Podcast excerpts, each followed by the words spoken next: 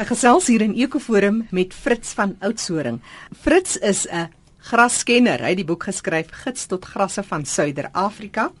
Fritz, as mense nou praat van gras, onmiddellik sien baie van ons of weiding, 'n ander sien grasperkgrasse.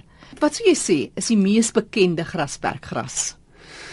Kyk, ons sit in Suid-Afrika, uh plant ons 'n uh, vers, uh, hele verskeidenheid grasperkgrasse wat verskil in terme van hulle behoeftes uh, vir klimaat en so aan. Jy weet ons het grasperkgrasse wat op die hoë veld in die koue kan groei en ek dink 'n goeie voorbeeld daar is kokoejo. Kokoejo is nie inheems nie, is van Oos-Afrika af. So hy's daarom amper in inheems. En uh, hy het uh, hy het die vermoë om in koue dele te groei. Ek sê nie hy's groen reg deur die winter nie, maar hy kan die koue hanteer. En dan uh ander inheemse grasse wat uh in meer warmer klimaat groei, het ons 'n elm gras wat ook bekend staan as berea gras. Mm -hmm. En dit is 'n gras wat nogal geneig is om in skaduwee ook te kan groei waar kokoejo nie van skaduwee hou nie. Sy wetenskaplike naam is Dactylotinium australe. Hy kom wel natuurlik voor in die oostelike dele van Suid-Afrika langs die kus. Kom hy voor? En uh hy groei hy hy kan nie in koue dele groei nie so hy's gewoonlik maar vir jou bosveld dele en jou meer warmer dele is is hy is hy geskik. Dan is daar uh, 'n ander gras wat genoem word buffelsgras of strandbuffelsgras. En hy kom hy kom ook natuurlik voor in die meeste tropiese dele van die wêreld ook langs in kusgebiede, sandelderige grond. Hy groei ook graag Hy kan ook in skaduwee groei soos elmgras. Uh elmgras soek 'n bietjie meer water uh, as wat hierdie strandbuffelsgras soek. Groot verskil tussen die twee is hulle lyk eintlik baie dieselfde, maar die strandbuffelsgras het 'n ronde blaarpunt terwyl elmgras het 'n skerp blaarpuntjie en elm is 'n bietjie sagter en meer donkergroen.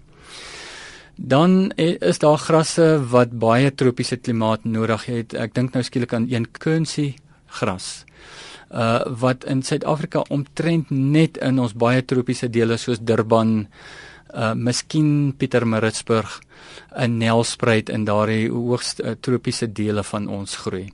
Dan het ons natuurlik waarskynlik ons bekendste grasperkgras en baie mense het hom al op hulle grasperk uh al al weet hulle dit nie is nie en dit is kweekgras. Wat uh, omtrent die hele Suid-Afrika voorkom. Nou kweekgras is miskien nie so lekker sag uh soos ander grasse nie, maar hy is verskriklik droogtebestand. En hy's hy's baie gewild veral op golfbane en so aan. En daar is ook al heelwat uh, grasperkgras kultivars wat ontwikkel is nie net in Suid-Afrika nie in in Amerika ook waar dit as Bermuda grass bekend staan uh, is dit uh, al ontwikkel veral vir die vir die golfbaan uh, bedryf maar ook vir grasperke ja. Ons het nou somerreëns in Gauteng. In die winter is daai grasvelde en die grasperke. Dis asfaal wit. Jy weet die hoofveld mm. lyk maar Dis mooi vir my ook, maar dis 'n ander ja, mooi. Ja. Maar hoe ja. gehard gras is, want kom hy somerreën, dis mm. baie gou dan is die grasse weer grasgroen. Ja. Ja, ek sou sê daai bietjie rus uh, is belangrik vir die grasse ook. Jy weet so, om hulle groei kragtigheid te behou. Geen. Nee nee, jy gaan uh, dit is te koud. Jy gaan hom in elk geval nie aan die groei kry uh jy weet in die meeste dele in die veral die koudste dele gaan jy hom nie kan groen kry nie al al gooi jy baie water, jy weet.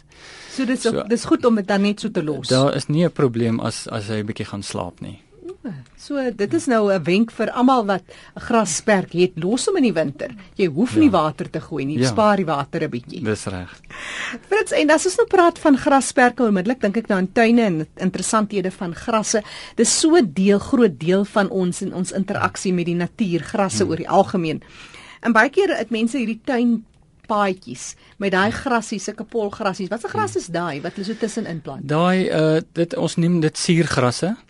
Die meeste van daai grasies is uitheems. Die inheemse suurgrasbedryf is nog ek ek sou sê in sy in sy baba skoene.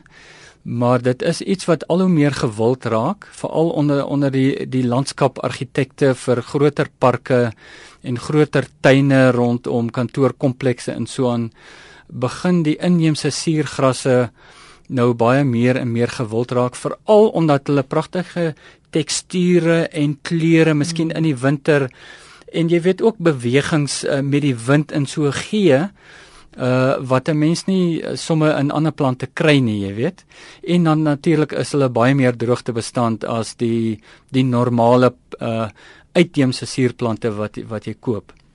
En ek sou sê dit is 'n bedryf waar daar nog regtig uh baie potensiaal in is, jy weet. Ek self het agter in my tuin begin om as ek 'n mooi gras in die veld erns sien om hom uit te haal en om te gaan plant in my tuin en ek het nou al regtig 'n groot versameling van inheemse polgrasse wat ek dink wat regtig baie potensiaal het om as 'n suurgras uh op 'n groter skaal, jy weet, geplant te word. Fritz van Oudtshoorn is my ateljee gas en ons gesels oor grasse. As 'n mens nou spesifiek kyk na grasperkgrasse, wat sou jy sê is 'n goeie gras? Een wat nie te veel water wil hê nie, wat um, in die son kan groei, in die skaduwee. Fritz, vertel my oor daai gras of moet jy hom nog kweek? Uh, as ons daai gras kan kry, ek dink ek gaan hy baie gewild wees. Want 'n gras wat in skaduwee kan groei en in vol son, want kyk 'n gras wat in skaduwee groei het gewoonlik 'n breë blaar. Dis hoe hy kan kan oorleef in die skaduwee. Wow. En 'n gras wat in vol son groei het weer 'n smaller blaar, jy weet. En dan uh, dieselfde ding oor die oor die koue en die hitte, jy weet 'n gras wat ryp kan hanteer, uh sal nie die hoë humiditeit van 'n Durban byvoorbeeld kan hanteer nie. So daai wondergras moet ons moet ons nog teel. Fritz, dit lyk vir my of mense al hoe meer byvoorbeeld plaveisel gooi en dit is vir my eintlik half jammer want dit is asof ons al daai dreinering van water en so meer kortwiek. Maar maar grasse laat hulle nie sommer net uittrek nie. Ek meen as jy nou en dan moet jy maar skoonmaak tussen daai plaveisel. Maar vind hmm. jy dat daar tog 'n neiging is dat mense wil 'n bietjie meer terugkom na 'n natuurliker omgewing of is ontwikkeling sterk besig om om die om grasbedryf 'n knoei toe te dien?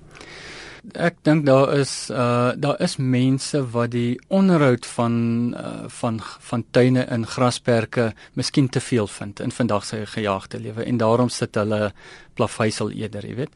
Maar ek dink ook daar is 'n daar's 'n sterk neiging om 'n uh, hinkering vir die natuur en om veral inheemse plante in jou tuin te hê en inheemse grasse in jou tuin te hê en ek kry baie vrae van mense wat jy weet wat wil weet wat se inheemse grasse.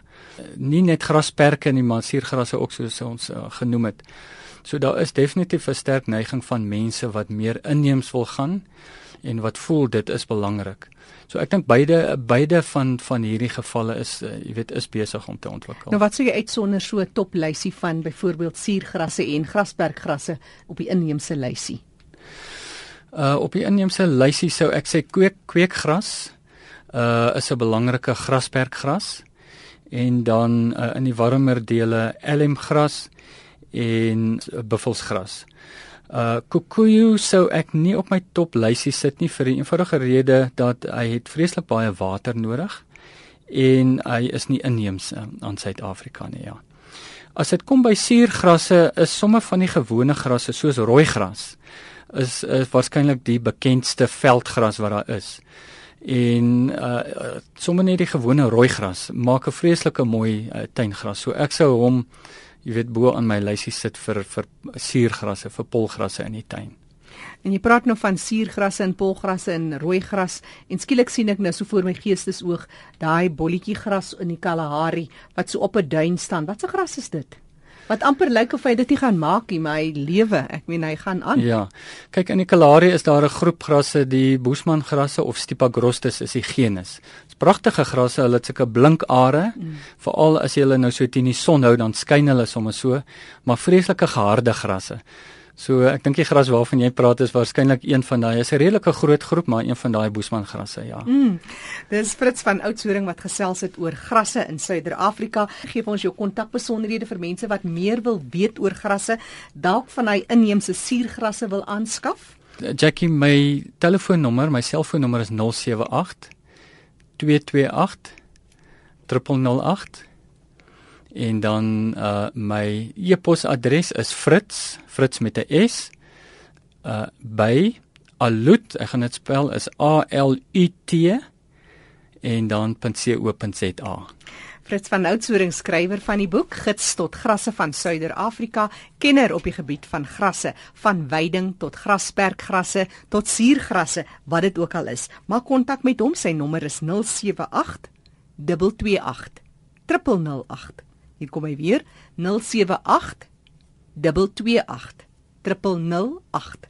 Of 'n e-posadres, Fritz, Fritz is met 'n S, Fritz by alud.co.za.